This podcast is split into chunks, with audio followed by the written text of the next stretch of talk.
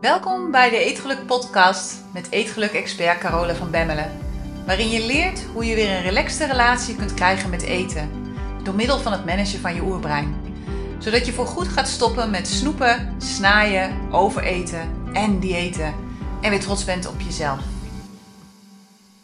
Dag mooie vrouw, hoe is het met je? Hoe gaat het met je? Hoe voel je je? Waar ben je? Wat ben je aan het doen? Ik ben benieuwd. Want ben je aan het rijden in de auto terwijl je naar mijn podcast luistert? Zit je op de fiets? Of ben je misschien gewoon thuis lekker bezig terwijl je hem op hebt staan? Of misschien ben je wel helemaal alleen gefocust op de podcast. Ik vind het leuk, laat het me gewoon eens weten als je er tijd en zin hebt om te mailen. Oké, in de podcast van vorige week heb ik het uitgebreid gehad over wilskracht. Ik hoop dat je me hebt geluisterd, want deze podcast van vandaag die sluit daar eigenlijk een beetje op aan. dus mocht je de podcast van vorige week niet hebben geluisterd, is het misschien een goed idee om dat eerst te doen en daarna met deze podcast verder te gaan. In de podcast van vorige week heb ik uitgelegd dat het belangrijk is om zoveel mogelijk wilskracht te besparen. Dus om heel zuinig te zijn met de wilskrachtbatterij in je brein. Nou, dat rijmt, dat is wel wel grappig. En de beste manier om dat te doen is door te zorgen voor twee dingen. De eerste is een stabiele bloedsuikerspiegel. En als je daar meer over wilt weten, Lees dan vooral mijn boek De Gelukkige Eten, want daarin vertel ik je daarover exact hoe het werkt en hoe je dat kunt bereiken. Nou, het boek vind je op de website degelukkigeeter.nl, dus daar kun je uh, terecht voor het boek. En daarnaast de tweede stap, de eerste stap is die stabiele bloedsuikerspiegel en de tweede stap is leren hoe je jouw oerbrein kunt managen. Die twee vaardigheden, die heb je nodig om voldoende wilskracht te creëren voor jezelf door de hele dag heen. Over het managen van je oerbrein ga ik het in deze aflevering met je hebben. En wat ik ga doen, is dat ik een belangrijke tool met je ga delen die je kunt gebruiken om je oerbrein gelijk al vanaf dit moment te gaan managen en dus wilskracht te gaan besparen. En je, kunt, je kunt het gebruiken voor je eetgedrag, want het is natuurlijk een eetgeluk podcast. Maar eigenlijk kun je dit gebruiken voor alles. Alles in je leven. Je kunt het ook gebruiken om je financiën op de rit te krijgen. Je kunt het gebruiken om productiever te worden, meer gedaan te krijgen op een dag. Je kunt het eigenlijk voor alles gebruiken wat er op dit moment in jouw leven speelt en waar je um, ja, meer wilskracht voor wilt gaan creëren, wilt, wilt gaan vrijmaken. Nou, de tool waar ik het over ga hebben, die heet vooruit beslissen. En vooruit beslissen is echt een geweldig hulpmiddel wanneer je doelen hebt gesteld voor jezelf en deze wilt bereiken. Het is een van de basistools die ik heel uitgebreid leer aan alle studenten in de Eetgeluk Universiteit. Ik heb er zelfs meerdere masterclasses aan gewijd en ik heb er een speciale planner voor ontwikkeld, de Eetgeluk Planner. En het is eigenlijk allemaal ter ondersteuning van het nemen van beslissingen vooraf. Want vooruit beslissen helpt je om te begrijpen hoe je jouw brein kunt helpen om jou te helpen. Het helpt je om je brein zodanig te gebruiken dat je de resultaten gaat behalen die je wilt behalen. vooruit beslissen voorkomt echt dat je brein als een wilde aap alle kanten opschiet, zoals het bij de meeste mensen het geval is. Het voorkomt dat je in het moment wordt geleefd. Want je hebt je plan al klaar liggen en je oerbrein kan in het moment allerlei suggesties doen. Alleen, ja, neem je ze misschien ter kennisgeving aan, maar je doet daar verder niks mee. Goed, de grootste uitdaging. Ik heb wel eens rondgevraagd. En de grootste uitdaging die de meeste vrouwen hebben als het gaat over hun eetgedrag, is dat ze niet weten hoe ze om kunnen gaan met alle verleidingen die de hele dag voorbij komen. En nu met het thuiswerken is het natuurlijk helemaal een uitdaging. Want dan ben je natuurlijk heel dicht bij de koelkast en je bent heel dicht bij de voorraadkast. Maar goed, ook op werk is dat soms. Hè? Want ja, het is ook heel erg lastig om nee te zeggen. En zeker als iemand speciaal voor jou die appeltaart heeft gebakken. En het is ook heel lastig om te blijven focussen want het nemen van beslissingen in het moment vraagt om wilskracht. En wanneer je wilskracht opgebruikt is. En dat is bij ons vrouwen heel vaak het geval. Want we, we hebben zoveel op ons bordje liggen waar we ons mee bezighouden tegelijkertijd. Dus wanneer je wilskracht opgebruikt is, dan neemt je oerbrein het over. En je oerbrein maakt de beslissing gebaseerd op hoe je je op dat moment voelt. Is volledig emotie gedreven. Er zit absoluut geen ratio bij. Dus wanneer je lekker in je vel zit, dan is er vaak niks aan de hand. Maar wanneer je verveelt of wanneer je bijvoorbeeld boos bent of wanneer je verdrietig bent, dan zal je oerbrein er alles aan gaan doen dat jij je beter voelt. En vaak, vaak, vaak, vaak resulteert dat in eten, in drinken, in roken, in Netflixen, in al die dingen die op de lange termijn helemaal niks brengen. dus wanneer je opstaat en vol goede voornemens zit en op je werk komt een schaal met lekkers voorbij, dan is de kans groot dat, ja, voordat je het weet, dat er toch iets in je mond belandt. Ook al wilde je het niet, je verlangen ernaar heeft gewonnen. En dan begint de interne dialoog. Je oerbrein zal zeggen, ach, eentje kan toch wel, doe niet zo moeilijk. Waar gaat dit over? Of ach, morgen is er weer een dag. Maar je mensenbrein weet dat dit niet goed voor je is. En dat zal tegen je zeggen dat het op deze manier natuurlijk nooit gaat lukken. Hè? dus als het gaat over eten, maar ook als het gaat over heel veel andere dingen, is het bijzonder lastig om alles wat er om je heen gebeurt te controleren. er zullen altijd mensen zijn die zin hebben in iets lekkers en er is eten op iedere hoek van de straat. ik woon hier in het buitengebied in de Lutte, dus ik moet iets meer moeite doen.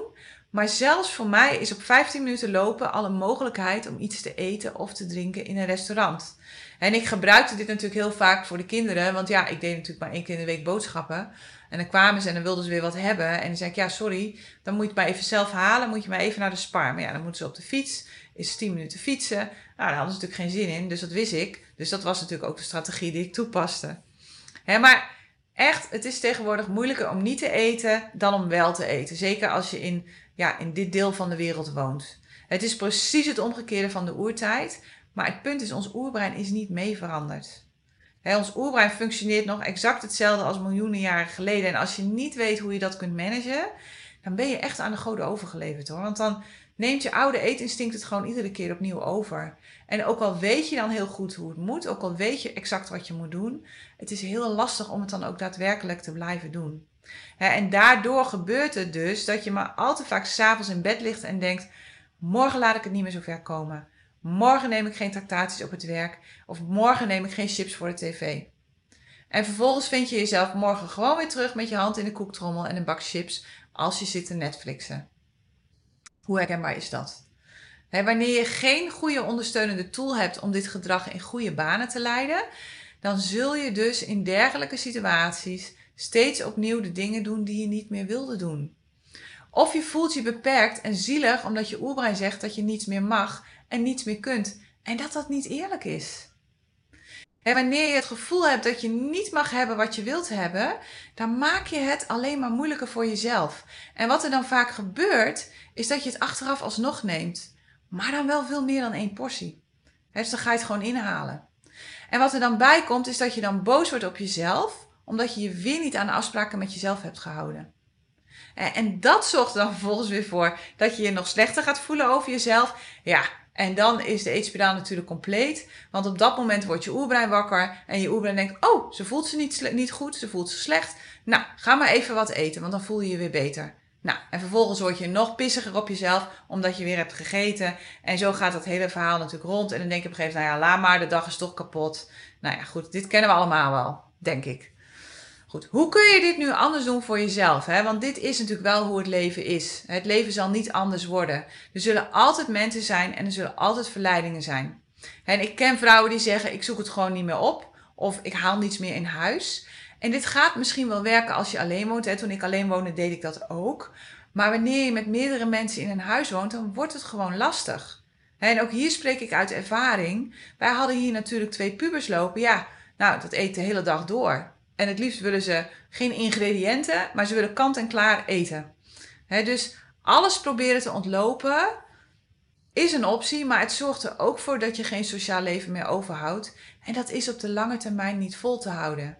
Het gaat erom dat de dingen die je doet, dat de dingen die je jezelf aanleert, dat de dingen die je creëert voor jezelf, een houdbaarheid hebben en, en een lange houdbaarheid hebben. Dus dat je ze ook op de lange termijn kunt volhouden. Dat je echt voor jezelf een visie gaat ontwikkelen voor de toekomst. En dus veel handiger is het dat je leert hoe je met dit soort situaties om kunt gaan zonder te vervallen in zelfmedelijden en zonder gefrustreerd te worden. want wat je moet doen is dat je het drama dat je brein maakt over alles dat niet mag of dat niet kan, dat je dat gaat neutraliseren. En wat ik daarmee bedoel, is dat je het oververlangen van je brein gaat stoppen. Wat er nu gebeurt, is dat als je iets ziet, dat je brein dan denkt dat het zo belangrijk voor je is om te overleven, dat je het nu moet hebben. omdat je brein denkt dat het belangrijker voor je is dan de gezonde maaltijd die je hebt gepland, ben je bereid om die maaltijd over te slaan, zodat je die hamburger of wat het dan ook is dat voorbij komt kunt eten. Simpel en alleen omdat het een veel hogere beloning geeft in je brein dan die gezonde maaltijd die je had gepland. En wanneer dat gebeurt, dan sta je eigenlijk ja, toe dat het plan dat je mensenbrein voor je heeft gemaakt, het plan dat je mensenbrein die het beste voor, met je voor heeft op de lange termijn, dat dat wordt overschreven door wat je oerbrein nu wil in het moment. ik, en ik stel me dat dan voor als een ouder die met een kleuter in de supermarkt loopt en de kleuter gooit allerlei dingen in de winkelwagen en de ouder staat erbij en kijkt ernaar. Die wilde eigenlijk alleen maar gezond eten kopen en die gaat vervolgens naar huis met drie flessen Fanta, twee zakken chips en een zak met uh, kinderchocolade het lijkt dan wel alsof je je gezonde verstand bent verloren. En het maakt dan eigenlijk ook niet meer uit wat je op dat moment denkt, want je oerbrein is de baas. Je oerbrein heeft het complete regie overgenomen. En het punt is, in het moment is je oerbrein altijd de baas als je niet weet hoe je het kunt managen. Dus als je uh, niet weet hoe je je oerbrein kunt managen, dan ben je in dit soort situaties echt verloren het is de taak van je oerbrein om ervoor te zorgen dat je blijft leven. En dat doet het ook geweldig. je oerbrein wil dat je veilig bent. Je oerbrein wil dat je een belangrijke. Uh, um, ja, dat je, dat je je goed voelt. Want dat is een belangrijke indicatie van dat je veilig bent. en wanneer je je niet goed voelt, omdat je denkt dat je iets niet mag of iets niet kunt eten, dan grijpt het in.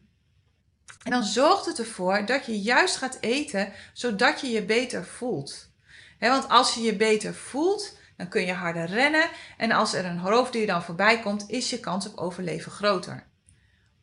Maar hetzelfde verhaal geldt ook omgekeerd. Als iedereen eet en jij niet, dan loop je de kans om buitengesloten te worden. Dus wanneer je mee eet, ook al is het maar een klein beetje. En dat, dat, dat zag ik vandaag bij de yogales ook weer gebeuren. Er was staart en iedereen, oh, doe maar een klein stukje. Eigenlijk wil niemand. Maar ja, goed, dat is ook een beetje flauw. Dus nou, doe maar een klein stukje dan. Weet je wel, dan hoor je weer bij de groep en dan loop je dus minder risico dat je alleen komt te staan. dus des te hoger de beloning van een bepaald voedingsmiddel in je brein, eigenlijk vrij vertaald, des te lekkerder het voor je smaakt, des te belangrijker dat je oerbrein denkt dat het voor je is om te overleven. En dat verklaart ook bijvoorbeeld waarom drugsverslaafden uiteindelijk hun drugs belangrijker vinden dan een kind, bijvoorbeeld wat ze net hebben gekregen. Want de beloning van drugs is vele malen hoger dan de beloning die ze krijgen wanneer ze dat kind knuffelen. Hè, en dat betekent dus dat wanneer je een salade hebt gepland voor de lunch en er komt iemand voorbij met een zak friet, dat de salade het zal verliezen als je niet weet hoe je je oerbrein kunt managen. En want friet geeft een veel hogere beloning in je brein dan een blaadje sla. Dus je oerbrein denkt dat de friet belangrijker voor je is dan de sla. En het zal ervoor zorgen dat je naar friet gaat verlangen. Dat is eigenlijk heel simpel. Dus vanuit je oerbrein gezien is het heel logisch dat het gewoon neigt naar al dat soort eten. En dus ook al heb je sla ingepland, wanneer je niet weet hoe je daarmee om kunt gaan, zul je instinctief altijd een paar frietjes grijpen. Ook al wil je het niet. En je oerbrein zal je dan de boodschap geven: hey, dit zijn super lekkere frietjes, die moet je nu eten, want die zijn belangrijk voor je. Zo simpel werkt het gewoon in je oerbrein. En als je dan zegt dat je een salade hebt gepland, dan zal je oerbrein reageren als een kind van drie dat zijn zin niet krijgt. En het zal dingen gaan zeggen als: hé, hey, het is niet eerlijk dat ik ze niet mag eten. En weet je, ik werk zo hard en het gaat zo goed, ik kan er best wel een paar nemen. Zo erg is het nou ook weer niet. Hey, dat is de discussie in je hoofd en die gaat net zo lang door tot je inderdaad een paar frietjes hebt gegeten. Net als die kleuter van drie die pas stopt als die zijn zin heeft gehad.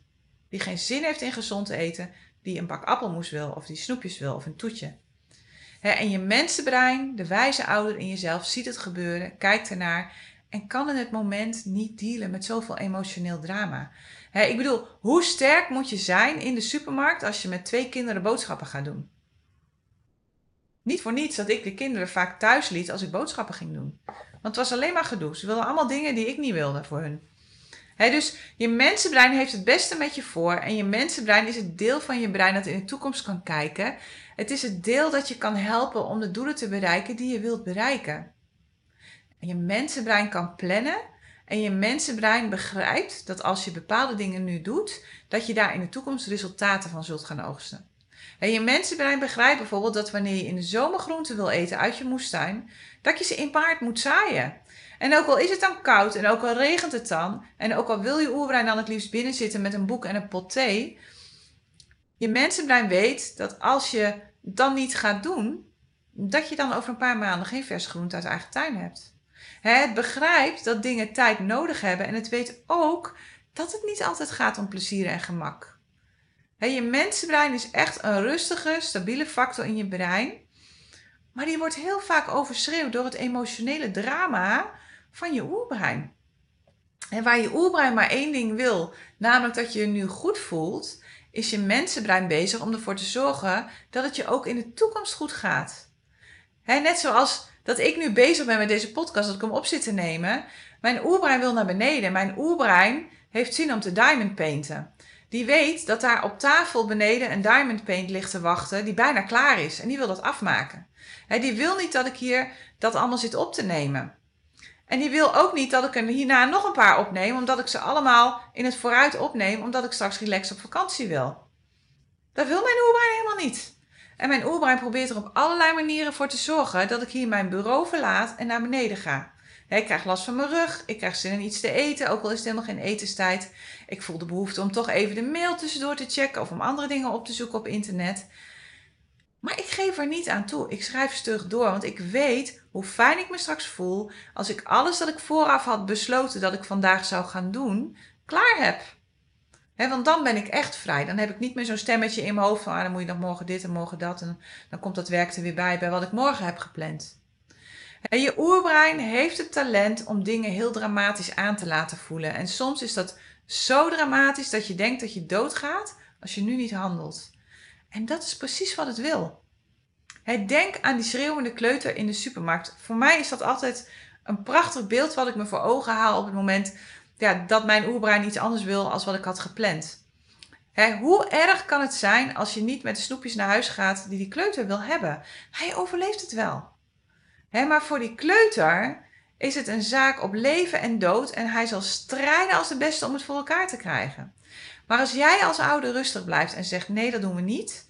We gaan zo thuis lekker eten. En als je niet de discussie aangaat, want als je de discussie aangaat, ben je verloren. Maar als je steeds dat mantra maar blijft herhalen: nee, dat doen we niet. We gaan zo lekker thuis eten.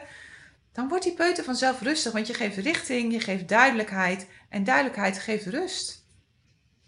Dus zeker als het gaat om voeding die een hoge beloning geeft in je brein, dan denk je, ja, dat je dat gewoon echt goed moet gaan plannen voor jezelf. Het is echt belangrijk, want deze voeding is helemaal niet goed voor je lichaam. Ook al denkt je oerbrein van wel. Het denkt dat het heel belangrijk voor je is om te overleven. En het denkt ook dat het heel belangrijk voor je is dat je veel suikers en veel bewerkte voeding eet. En je mensenbrein weet dat het niet zo is. Je mensenbrein weet dat veel van dit soort voeding er juist voor zorgt dat je ziek wordt en eerder zult overlijden. Het is precies het tegenovergestelde. Het is dus heel belangrijk dat je het drama eruit haalt en dat je gaat zien wat er werkelijk aan de hand is. Het is echt belangrijk dat je oerbrein een peuter is van drie jaar oud. En je wilt gewoon niet dat een peuter van drie jaar oud de leiding heeft over jouw leven en over jouw gezondheid, toch? Lijkt me niet gezond.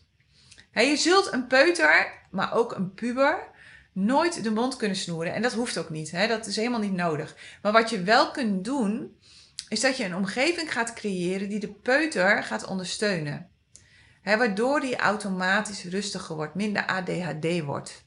zodat je ook af en toe nog een normaal gesprek met jezelf kunt voeren. En dat die peuter ook het gevoel krijgt dat hij wordt gehoord. Maar dat je jezelf wel aan de afspraken gaat houden die je met jezelf hebt gemaakt. En dat je gaat zeggen: hé, hey, ik hoor je. En ik heb een ander plan voor vandaag. Hé, hey, dat is inderdaad een heel goed idee.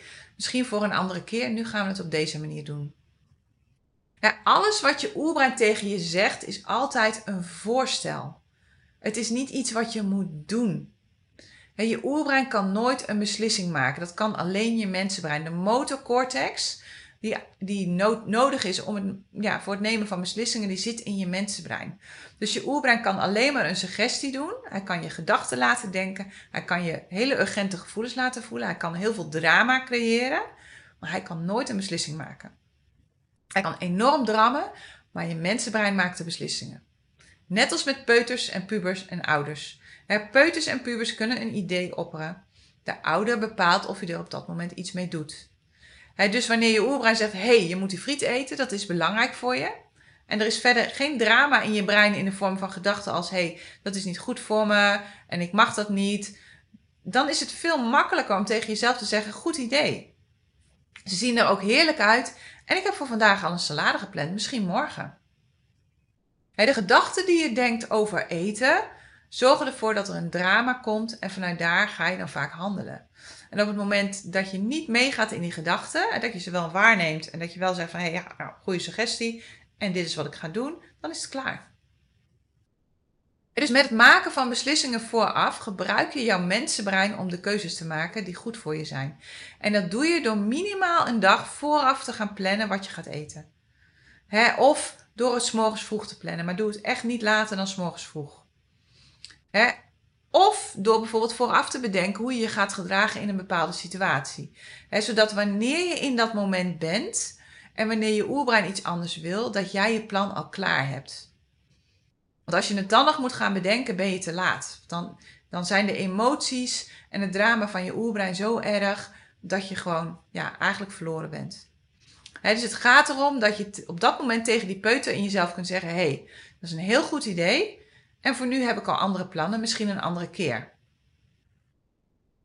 Plannen, en ik weet dat heel veel mensen daar een hekel aan hebben, maar plannen helpt mij enorm om op lastige momenten de juiste keuzes te maken voor mezelf. Hè? En als gezegd, in de Eetgeluk Universiteit heb ik twee masterclasses opgenomen over plannen. Hè, omdat ik het zo belangrijk vind, maar ook omdat er heel veel verkeerd kan gaan als je plant. Als je gaat plannen. Hè, en ook nog omdat er vaak veel weerstand is tegen plannen. En hoe kun je dat overwinnen? Hoe kun je daarmee omgaan? Hoe kun je dat in je voordeel gaan keren? Want die weerstand is hartstikke logisch, want je oerbrein weet gewoon dat het sterker is in het moment. En je oerbrein wil geen structuur, maar heeft wel structuur nodig. Het is hetzelfde als die puber of die peuter die gewoon niet naar bed wil.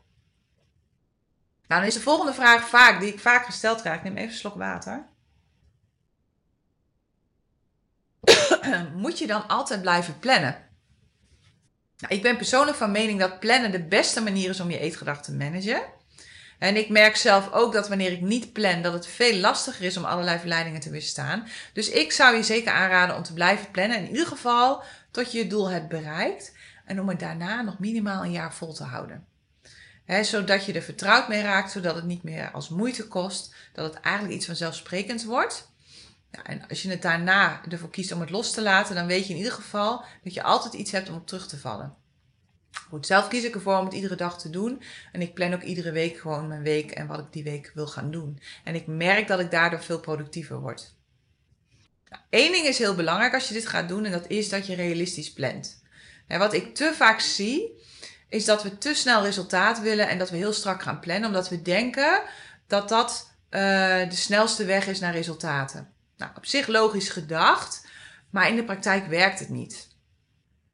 Omdat je oerbrein kleine stapjes nodig heeft. En als wat jij nu plant heel erg afwijkt van wat je normaal doet, dan is die stap te groot dus plan gewoon wat je nu op dit moment eet. En ga vanaf daar ga je het fijn slijpen. Iedere week een klein stukje.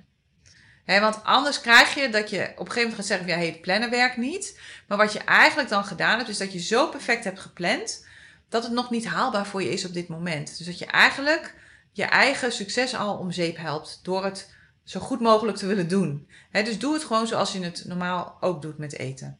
dus begin met plannen van wat je nu eet. En dan ga je oefenen in jezelf houden aan je plan.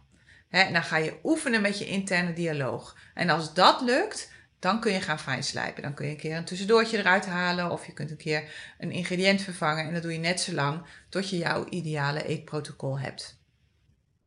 Oké, ik wens je weer een heerlijke week, want dit was het voor vandaag.